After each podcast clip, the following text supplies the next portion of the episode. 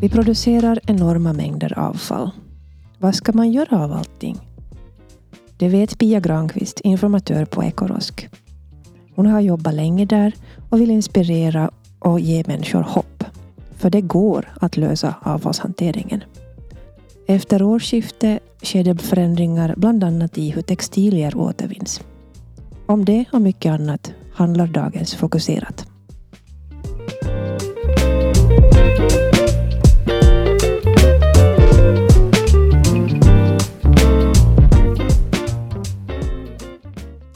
Ja, välkommen Pia Granqvist.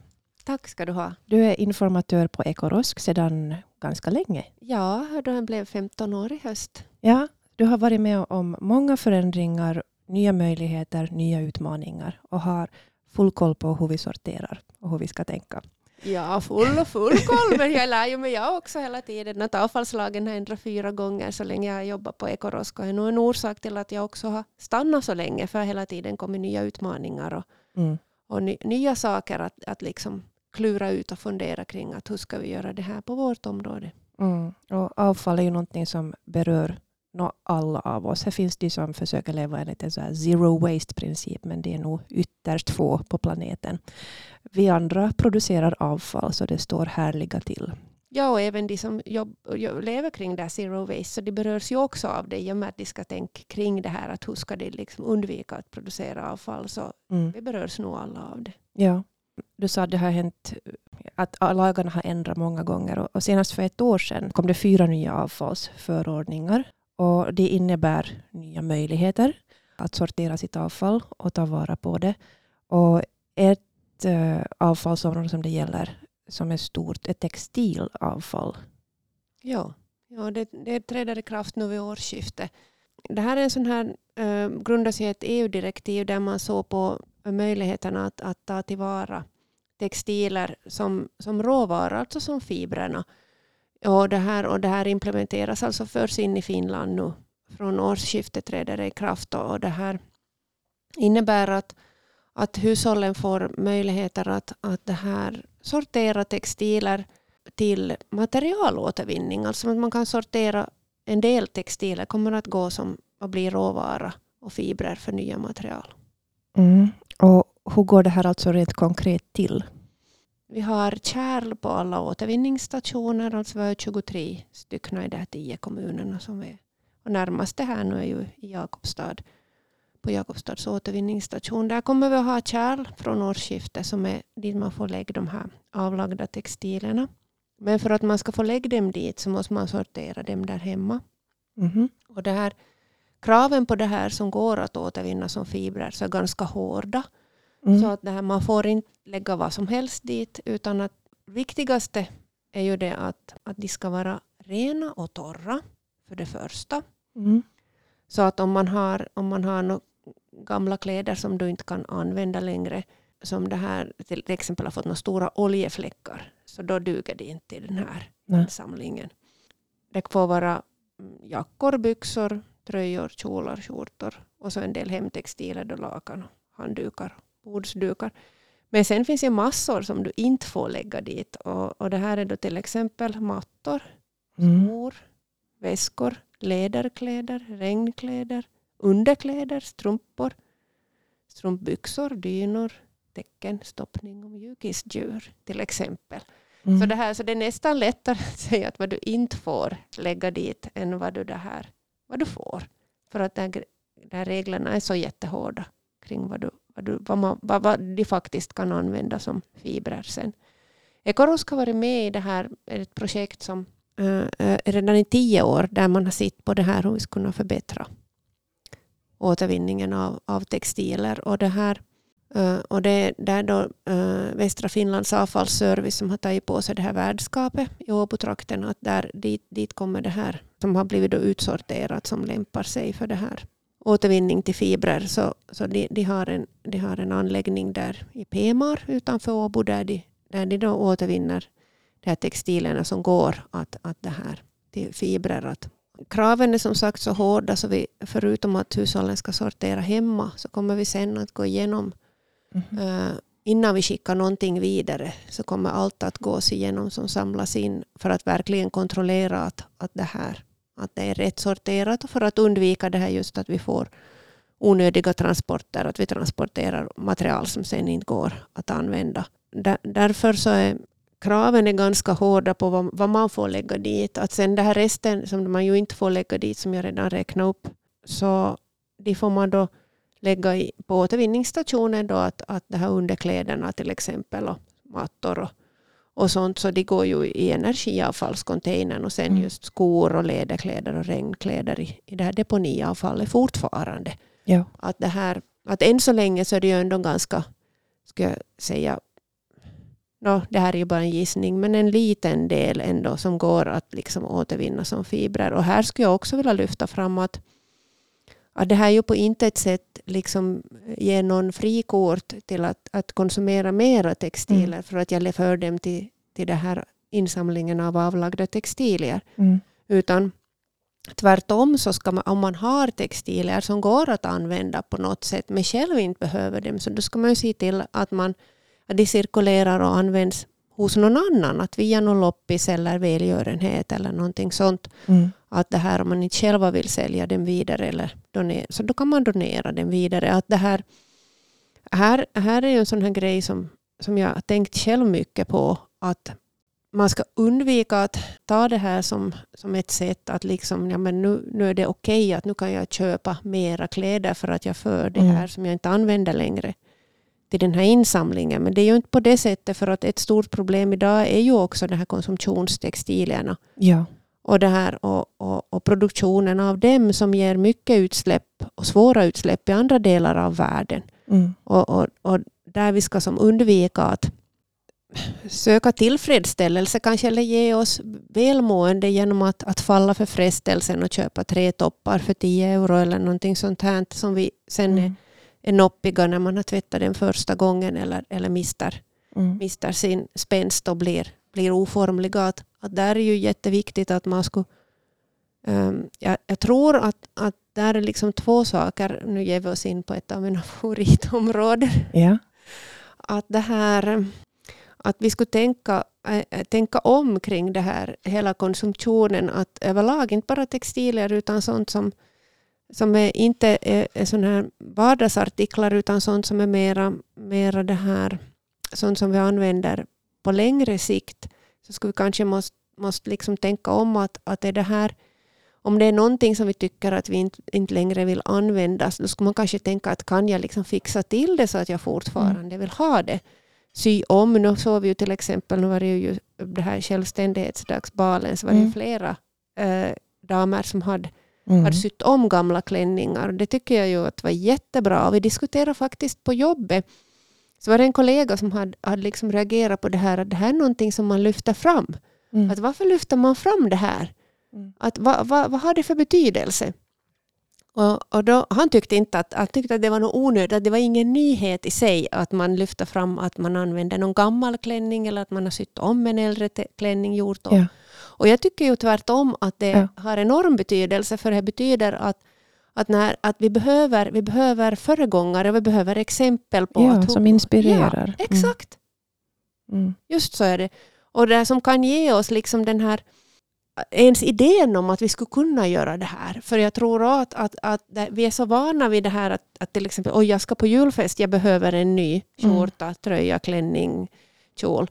Mm. Uh, och det här, och, och, och där är liksom, där är det här tanken då att, nej, men att, att har jag någonting som jag redan kan ha, att, att, mm. att, att, man skulle som få in den här, ens den här liksom inspirationen och den här mm. gnistan till att, att nej, gå igenom det man redan har. Att kan mm. man liksom fixa till det med någonting, ny slips för män eller någon scarf eller knyta om slipsen till en rosett eller någonting. Att, att liksom göra ja. någonting roligt av det man redan har. Ja, inte någon som kommer ihåg vad man hade på julfester förra året i alla fall. Nej, nej. Även om vi tror det. Ja, ja. Jag, jag gjorde så i år faktiskt, att jag köpte ingenting nytt. Efter några pandemiår här så har man ju inte varit på någon julfest. Nej. Så jag hade bara gamla kläder, men jag kände mig jättefin. Jag kombinerar dem på lite olika sätt. Ja. En kavaj och en kjol som inte har ja. varit tillsammans förr. Perfekt, jättebra idé. Just så. Mm. Ja, där tror jag överlag är det mycket där vi liksom hela det här mm, vår inställning till konsumtion och, där tror jag att vi har mycket att jobba med och det krävs ju också förstås en vilja att vill man inte ändra sin livsstil så då gör man ju heller ingen förändring. Att det måste ju komma från Mm. en, en inre vilja eller ett, ett behov eller att man har fått någon reaktion på till exempel att man har varit i någon butik och liksom reagerat på något överflöd eller någonting Mm. som jag själv ibland kan få. Att jag, att jag kan um, gå som i en, en, en, något varuhus Mm. och liksom eh, överväldigas av den här mängden saker som inte har någon ägare ännu och som är meningen att tanken är då att folk ska köpa de här sakerna och då kan jag ibland få en sån här känsla av att, att, att det, här, det här är liksom det här, det, här- det är bara för mycket. Ja. Att, att någonstans måste man liksom dra gränsen och jag märker själv också att, att jag har jag har jobbat så länge på Ecoros så det har säkert också påverkat mig att jag börjar he- hellre liksom söka de här Tidigare kunde jag, när jag var yngre, kunde jag säga till min mamma att ska vi få på en shoppingresa? Mm. Men nu har jag ändrat inställning till att ska vi få äta något gott eller ska vi Mm. gå på bio eller ska vi gå på teater? Att mitt, inre, mitt inre perspektiv har ändrat och där tror jag att, att där, det är det liksom, vi skulle alla kanske liksom söka det här välmående Mm. på andra. För sen den här kicken man får när man köper ett fint plagg så den är ändå ganska kortvarig. Mm. Och, det här, och många gånger har jag märkt att har jag varit och sett någon biofilm eller teaterföreställning som har fått igång tankarna så kan det gå flera dagar som jag pratar om det här efteråt Mm. och, och tänker på den och liksom funderar att vad, vad betydde det här? Vad ville de säga med det här? Och så. Och det, det, så det ger i längden mycket mera än den här kicken. För forskning har ju också visat att vad var det 15 15-20 minuter som man har en kick av det här du har köpt något Ja. nytt. Själva köpbeslutet ger en kick Ja. och så här, men så Ja. avtar. Ja, Den är väl borta när man hämtar sitt paket. ja precis. Mm. Jag, jag känner igen mig i det du säger att du går i en butik och, och blir överväldigad av alla saker som du säkert också ser på som framtida avfall Ja. med dina ögon. Ja, Men jag, jag, jag får ju samma känsla också när jag går på loppisar och, och ser alla alltså drivor av saker mm. som, som finns. Och du hanterar ju som tankemässigt avfall hela tiden. Att, eh, hur, hur fixar du det här? Hur, hur klarar du av det? Alltså, utan att det känns hopplöst, utan kanske lite hoppfullt också. Ja, det är en bra fråga och jag, och jag måste godkänna att hittills så har jag aldrig blivit ännu så länge helt sådär eh, att jag ska känna mig kraftlös utan snarare att jag känner att, att jag märker att jag själv har blivit påverkad av Mm. ändra perspektiv och tankesätt under de här åren. Jag har jobbat med det här. Så jag vet att det, liksom, det, går, det går att om man vill och är intresserad så, så, liksom, så går det att, att, att ändra inställning. Och sen känner jag ju att, att ibland när jag möter folk som, som kan vara så här, ofta möter jag faktiskt sådana som är helt överväldigade Mm. av den här situationen. Att jag kan ge dem hopp och jag kan ge dem verktyg att, att hur de ska liksom gå vidare och hur de ska tänka kring sortering och, att, att, och också det här som jag tänker är en så fin sak med, med att sortera avfall för det att när vi alla gör det så blir det en, jag ser ju konkret som du sa, så ser jag ju den här enorma mängden som vi får in Mm. Ekorosk med avfall. Som där, där den, liksom, den här massan, när, när 123 000 invånare Mm. drar åt samma håll, så då blir det ju helt fantastiskt slutresultat. Och, och det, är liksom, det är inspirerande att på samma gång som man kan överväldigas av den här avfallsmängden, att i fjol producera varje invånare på Ekorosks område i medeltal 411 kilo avfall. 411 kilo. Ja.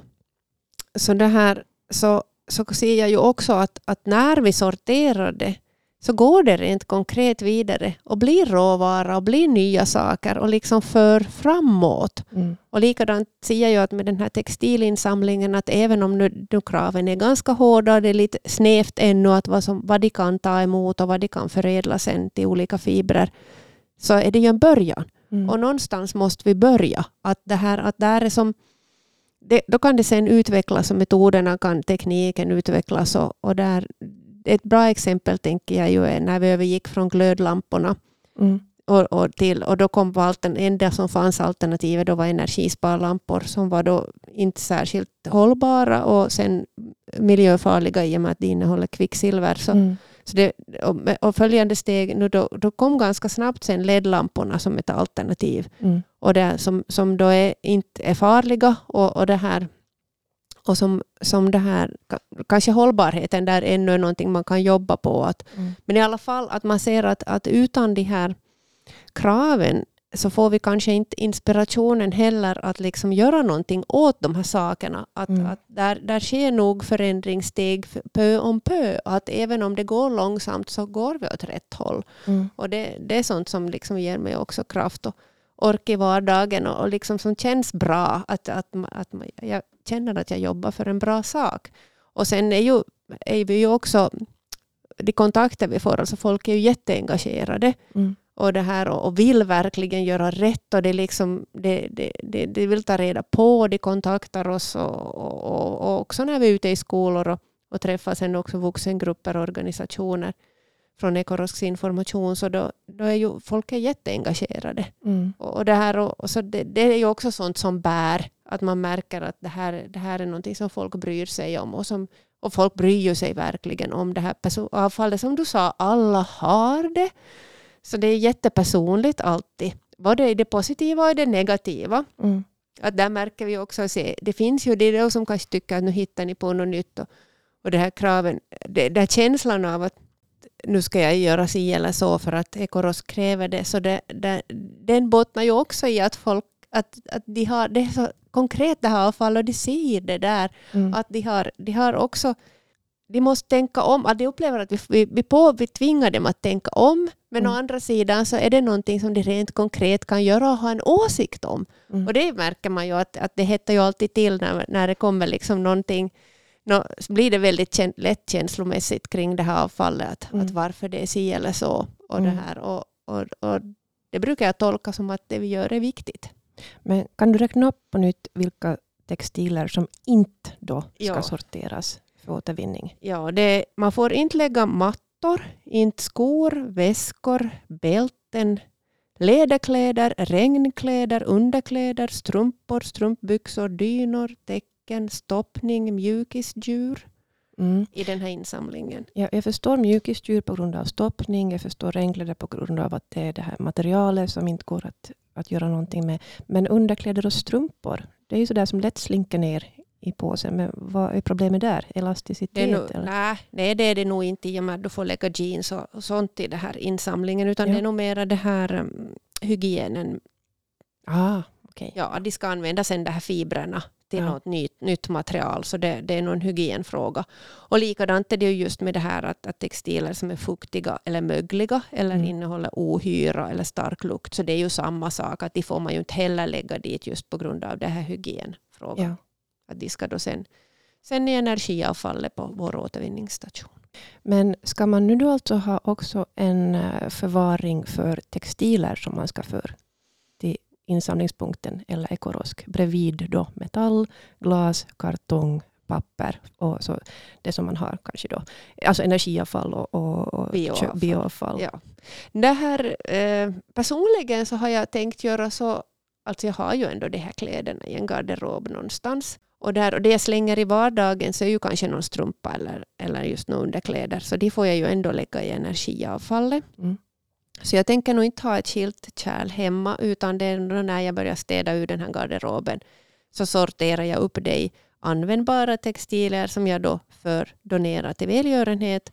Och sen lägger jag de här eh, som, jag kan, som jag vet då går till textilinsamlingen som då är hela och rena. Mm. Några jackor, byxor, tröjor, kjolor eller något hemtextiler som några bordsdukar eller lakan eller någonting. Mm. Som är sen kanske söndriga eller lakan spricker ju ofta där, där, där man ligger. Ja, ja. Så, så de lägger jag då i den här för insamlingen för avlagda textiler och sen det här resten då där som är smutsigt eller mögligt eller, eller just som är, är då mattor, skor eller någonting sånt så sorterar jag den här högen som ska till återvinningsstationen. Men det tänker jag nog göra just då när jag tömmer den här Mm. garderoben. Att inte, inte, inte tänker jag ha något skilt kärl i vardagen. Nej, no, inte, inte åstadkommer man ju så mycket textilavfall i vardagen. nej, nej, Så där varje dag.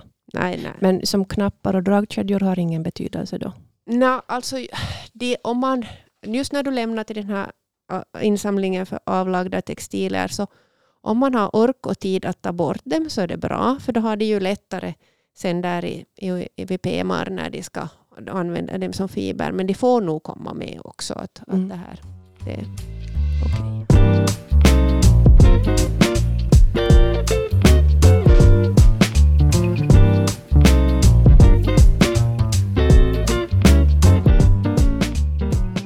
Annat som händer är att det blir då en separat insamling av förpackningsavfall Ja, nästa år. Kan du berätta mer om det? Ja det, det, det, här, det ökar möjligheterna för bostadsbolagen. Mm. Så att, att de, det här, de får möjlighet eh, från, nu på vårt område, på Ekorosks område idag, så är det, står det i, i föreskrifterna att det är bostadsbolag med tio bostäder eller fler. Och det har vi redan haft i, i sex år. Mm. Men nu utvidgas det här kravet eh, i den här förnyade avfallslagen till bostadsbolag med fem bostäder eller fler som ska då börja samla in kartong och plastförpackningar och glas och metall i skilda kärl. Alltså de ska ha då som soptunnor för de här fyra. Mm. Plus att de då kanske idag redan åtminstone har de bioenergiavfall och, och de flesta har också papper. Så det betyder Mm. att de kommer att ha då åtta eller sju avfallslag. Mm. Kärl för sju avfallslag i fortsättningen. Och den här, den här eh, lagen så är stiftad så att det är en, en övergångsperiod. Så den, den får träda i kraft då från första juli i år till första juli nästa år kan man ta, inleda den här insamlingen. Och, det här, och I dagens läge kan jag inte säga exakt när vi inleder den här Mm. på Ekorosks område. Att vi har inte något datum för det ännu. Mm. Men att det är ju klart att, att vi har möjlighet att inleda den nu redan i, i det här för, från första juli. Men, men, men, det här, men vi måste få till det här praktiska att, att det kommer att krä- krävas. Vi, alltså vi kommer att dela ut kärlen till de här avfallsbolagen och så Mm. kommer vi att, att det här att ordna transporten och tömningen av det här kärlen. Mm. Så det är en del praktiskt i vår ända som, Mm. som måste till ännu. Så att, att det här, därför har jag inte något datum för det. Men för hushållen så är det ju tänkt att, att det här, där ska det inte märkas så mycket. Att det är det att du får fler kärl och bättre möjligheter att sortera där Mm. hemma. Att det här det, det stora jobbet sker sedan hos oss. Ja, och, och det här egnahemshus be- berörs alltså inte av det här, utan där för man då som vanligt kartong och, och, och plast. Ja, alltså de berörs ju på det sättet att vi ska ju alla sortera Jo, jo, förpackningar. men jag menar, Ja. det berörs inte av att det är någon förändring, utan man Nej, inte av den här. Mm. Nej. Och det här, och där är det, där är kanske mm, det intressanta är ju det att, att just som, som, som du sa här att, att den här tanken, och vi berörs inte, men det står ju nog i lagen att de uppmuntrar till att alla ska sortera förpackningar och det ser vi ju vid Ekorosk, alltså att där finns förbättringsmöjligheter. Ja, alltså jag, du ska inte tolka mig fel när jag sorterar kartong och plast. Vad bra! Ja, vi har byttor för det, men det är också en utmaning att få pla- plats för kartongen. Men jag har lust med en tvättkorg. Ja, nej, men det var smart. Alltså det är just det. Och där, där brukar jag uppmana till kreativitet. För det är jättevanligt att folk tar kontakt och säger jo, jo, det är jättefint att, att man har möjlighet att sortera. Men vi har ju ingenstans att lägga det här. Att det här är Mm. liksom, vi har för trångt. Och det är väldigt vanligt. Mm. Och jag förstår precis. För att vi bor själva i ett 80-talshus som har ett jättepyttelitet kök. Mm. Och, det här, och där, där finns inte helt enkelt möjlighet att ha, ha tillräckligt stora, när man är en barnfamilj så producerar man ofrånkomligen ganska mycket Mm. sån här förpackningsmaterial. Och det här i vardagen, bara redan matlagningen producerar ju en hel del. Och, det här, och, och där finns helt enkelt inte möjlighet, inte har jag heller de här förpackningarna. Jag har glas och metall i köket och bioenergiavfall, Mm. men sedan har jag kartongen och plasten i det här i en garderob i vårt vindfång. För Mm. att det, det var enda möjligheten. Att jag har, jag har två, två såna här tygkassar där dit jag lägger då, eller Mm. såna här som är lite så gjorda av sån här återvunnen plast. Mm. Så det är så där lite plastiga så det går att skölja av. Speciellt den här plasten kan ju vara Mm. lite så att man vill att den, den, den är inte helt ren alltid. Där, skulle ju, där kan jag säga när jag säger det så är det att den här plastförpackningen ska vara ren för att Mm. den ska gå att återvinna som råvara. Mm. Att är den inte ren så rekommenderar vi inte att man lägger den i plastinsamlingen utan då, då, det här, då hör den hemma i energiavfall. Men där finns ju olika möjligheter. Jag pratade riktigt häromdagen med en, med en, med en kvinna som sa att, jo, men att, att hon har alltid, om hon har plats i diskmaskinen så lägger hon med några plastförpackningar Mm. och, och, och till exempel marinerat kött är ju en sån här, Ja. som att, att Det det är här kladdigt. tråget, trå, tråget är alltid kladdigt och, och, och därför kan det inte ta emot det just Mm. vid den plaståtervinningen. Dessutom om man förvarar det i sitt vindfång i en garderob så börjar det nu lukta ganska fort så det är ing, ing, inte heller något sånt som folk vill ha i sitt vindfång. Så att det här, då, sa, då sa hon att jo, men hon lägger alltid med där. Det är ju jättebra men vi uppmanar ju inte heller att folk ska liksom börja diska sina förpackningar för då, då slösar du ju med vatten.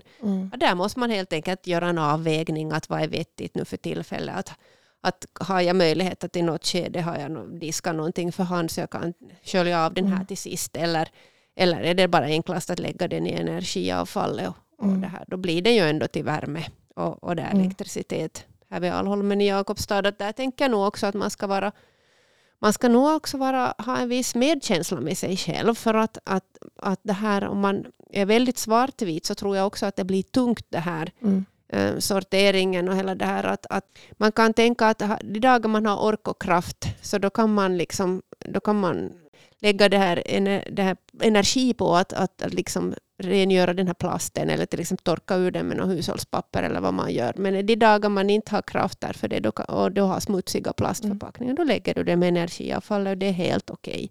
Huvudsaken är att det ändå sorteras. Mm. Att man inte blandar avfallet. För där, då, då, det är där vi har, har sen problem att de som, de som blandar och lägger allt, allt i samma. Du sa att, folk, att ni märker på Ekorosk att folk gärna sorterar och är, är duktiga på det. Men jag, jag minns själv från min barndom då Ekorosk var ganska nytt. Alltså nu har Ekorosk funnits i drygt 30 år. Och då var det det här med vita och svarta påsen. Torrt i vitt och blött i svart. Så, så var det någon tant jag minns som sa att "Nej, jag spottar på och lägger i svart. Så är det bra. Ja. Det var ju som det initiala motståndet. ja. Men hur duktiga är vi nu idag, tycker du? Alltså jag vet, vi har ju fakta på det. Vi Mm. gör varje år så gör vi en, en, en analys av, av det här bio och energiavfallet som alla producerar hemma i köket. Mm. Så vi har en, en studerande inom miljöbranschen som har ett som sommarjobb hos oss att gå igenom 1200 soppåsar med bioavfall och 1200 soppåsar med energiavfall. Och, och då försöka få en geografisk täckning från hela området, så att, att med soplast från hela området. Så att vi ska som se ganska sådär utbrett över vårt område att hur, hur står det till med sorteringen.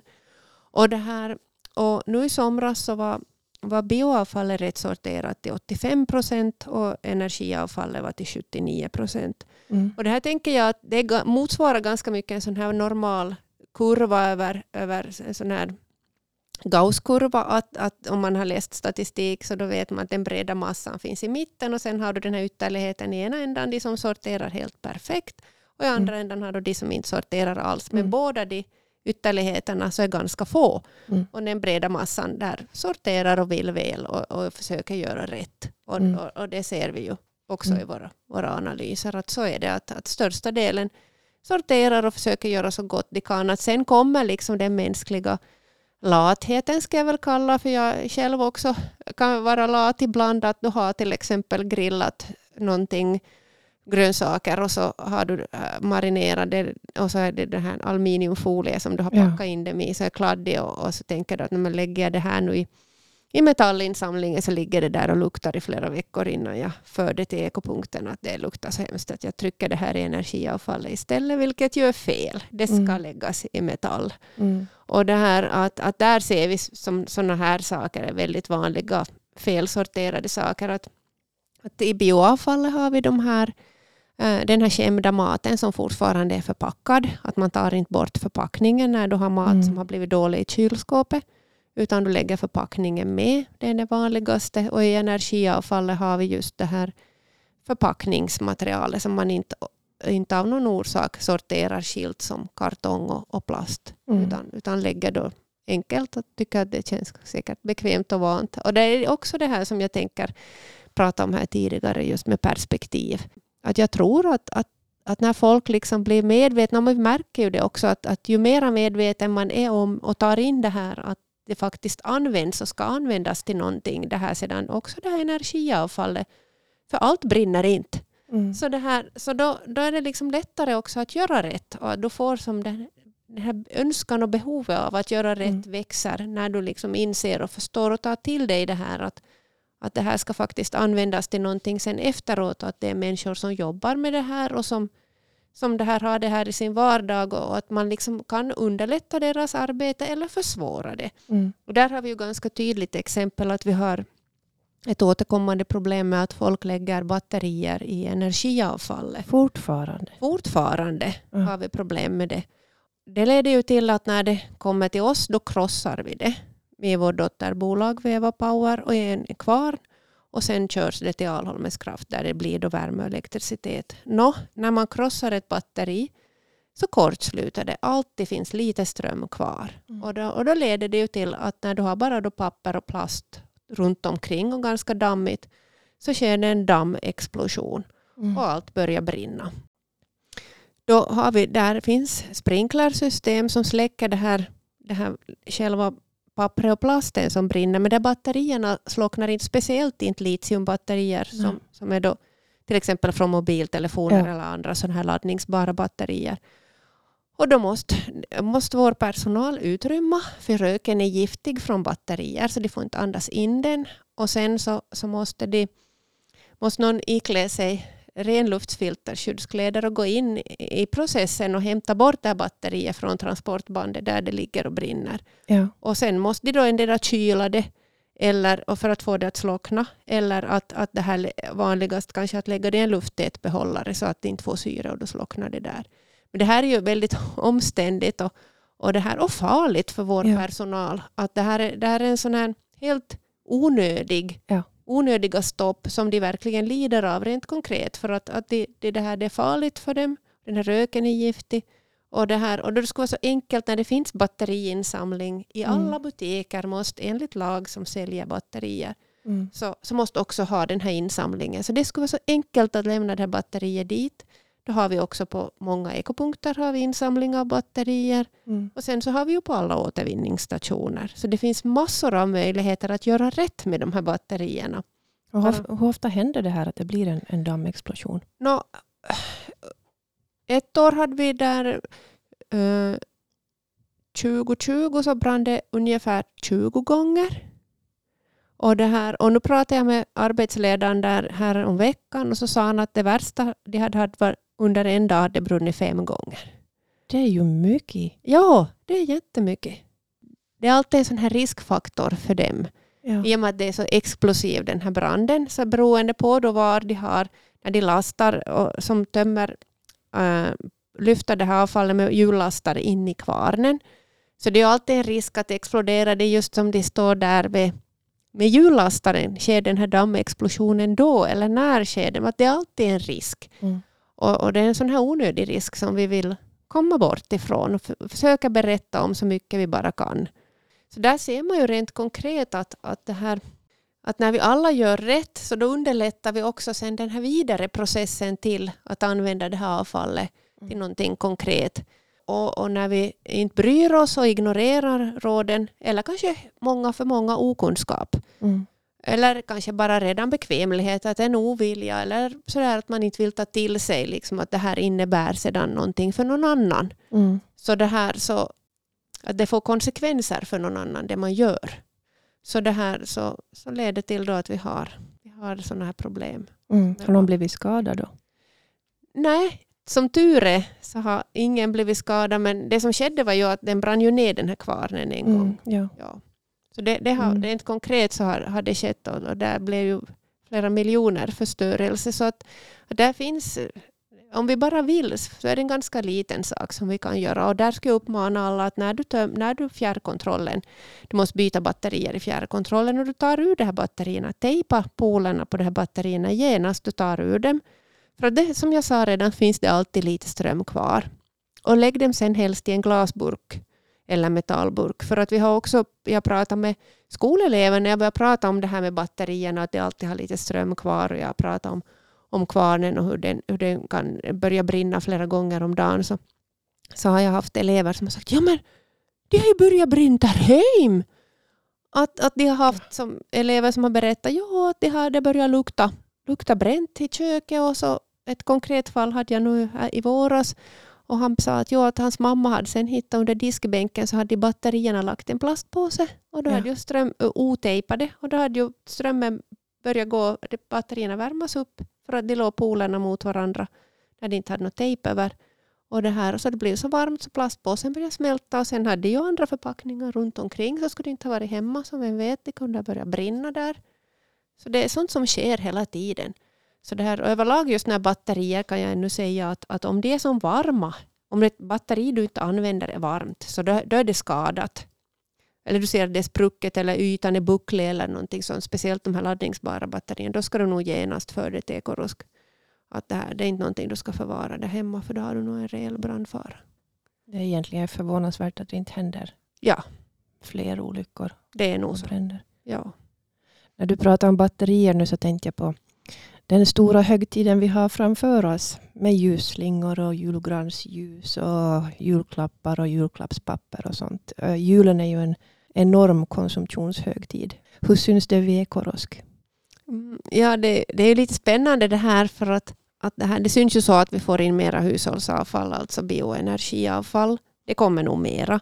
Men det kommer ju lite med efterskott i och med att det är ofta då röda dagar och så här så tunnan töms inte direkt. Och det här, då är det ju ändå januari och, och, och februari är sådana här lugna månader. Alltså på våra återvinningsstationer så syns det inte så jättemycket Mm. att folk skulle städa något extra eller så här. En del julgranar får vi in i trädgårdsavfallet och, och det här. Men, men det är nog främst just i det här bioenergiavfallet och förpackningsmaterialet som är syns att, att det här att man, man sorterar sen hemma. Och där märks det kanske mm, en del frågor får vi så här i början av eller i november, början av december kring det här just ljusslingor och hur man ska sortera dem och att det har märkt att när liksom man, får, man ska koppla i dem så märker man att det har gått sönder eller lampor och, Mm. och sånt. Att hur ska vi sortera dem? Så, så det kan jag säga att sån här vanlig glödlampa så det får man lägga i metallinsamlingen. Och en sån, som jag redan sa, energisparlampan så den innehåller kvicksilver så den är hör till farligt avfall så den ska man föra då till en återvinningsstation. Och sen LED-lampan likaså så räknas som el och elektronikskrot för den innehåller alltid ett mikrochip Mm. med värdefulla metaller så den ska då läggas i insamlingen av, av elskrot Mm.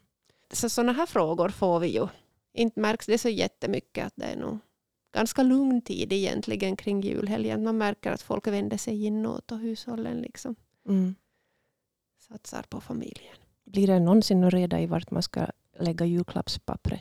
Jo, jo, Mm. jo, jo. Det det ska i energiavfallet, liksom banden och snörena. Får ni frågor kring det ännu? Jo, det får vi ja, nog. det var det jag ja, tänkte. ja. Det är väl så ständigt återkommande Ja, dilemma. det är nog det. Att det. Presentpapper har så mycket tryck så man får inte lägga det i pappersinsamlingen för det är så mycket tryckfärg på det utan det ska i energiavfallet. Och lika som snörena. Så det blir nog till värme och, och det här elektricitet där vid Alholmens kraft. Jag har efter många år av julklappspapper inköp nu blivit lejd på det. Så vet du vad jag gjorde igår? Nej. Jag var till några loppisar och så köpte jag gamla juldukar och julgardiner och sånt. Och tänkte nu ska jag paketera in julklapparna i det. No, Jag blev riktigt inspirerad. vad roligt. Så, eh, det, det är en sån här liten sak egentligen. Men Ja. det, det känns där, jag, jag känner att men nu har jag kommit till punkten. Nu, nu vägrar jag köpa några mera sådär Vad pappersrullar. härligt. Vet du vad jag brukar göra? Nå. Jag brukar packa in dem i ÖT. Jag Ja, brukar packa in dem i tidningspapper. det är jättebra det också. ja.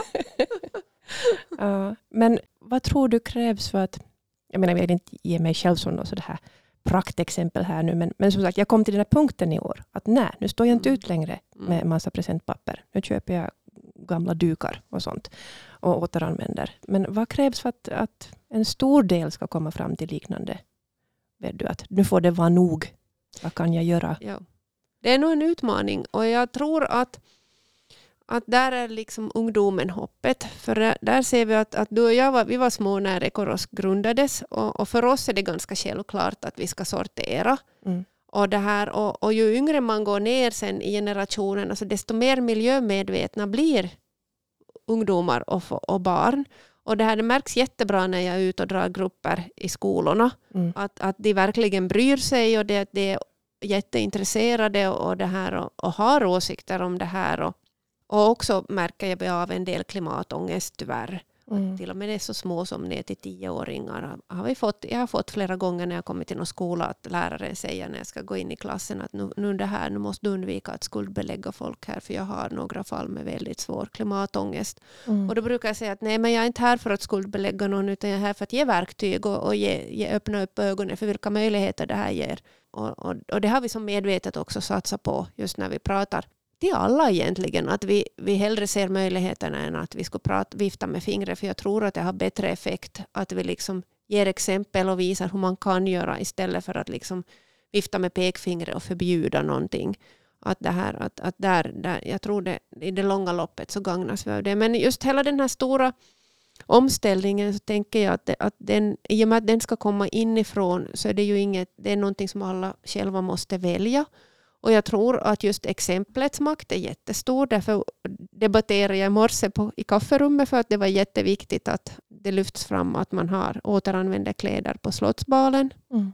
Och, och, och sen så, så tänker jag också att, att, att just såna här, som den här podden, sådana här saker där man liksom lyfter upp det här, att folk, att folk hör det från många håll, då ökar också intresse för det. För att det blir liksom att men jag kan ju också göra någonting. Om andra kan, så är, om, om, det, om det inte är något svårare än så här, så då kan jag ju också göra det här. Att jag, tror, mm. jag tror att exemplets makt är jätteviktig. Och sen, sen säger jag ju att ungdomen är framtiden. Att där, där liksom att, för att, att den som är benhårt övertygad om att, att hans oljetunna hemma på gården är det bästa sättet att göra av med avfallet. Så den, mm. den, den personen kan inte jag återvinna. Eller åter, återvinna, det kan jag inte.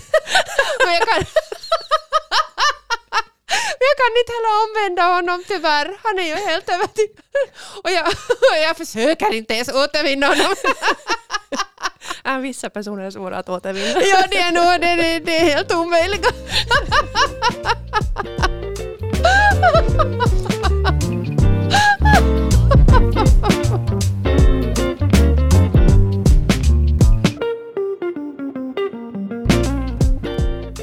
Är det någonting du ännu vill ta upp? Att vi alla kan göra någonting. Det, det, det, det är inte svårt. Och vi finns där, alltså fråga oss om du är osäker. Vi har avfallsordlistan på vår hemsida om man klickar på rubriken sortering. Så där finns avfallsordlistan, där finns över tusen artiklar, sorteringsanvisningar för olika saker.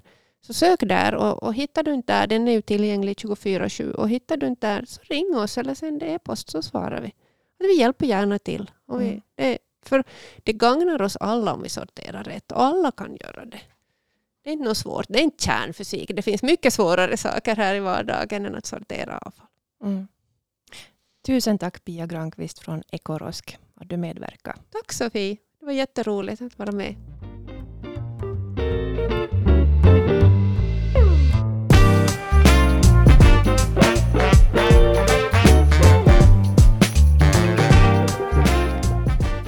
Du har hört på Fokuserat, en podcast av Österbottens Tidning och Vasabladet med mig, Sofie Starra.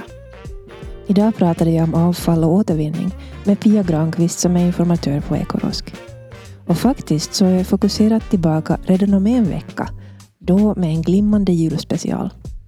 Var försiktiga med batterierna och vi hörs.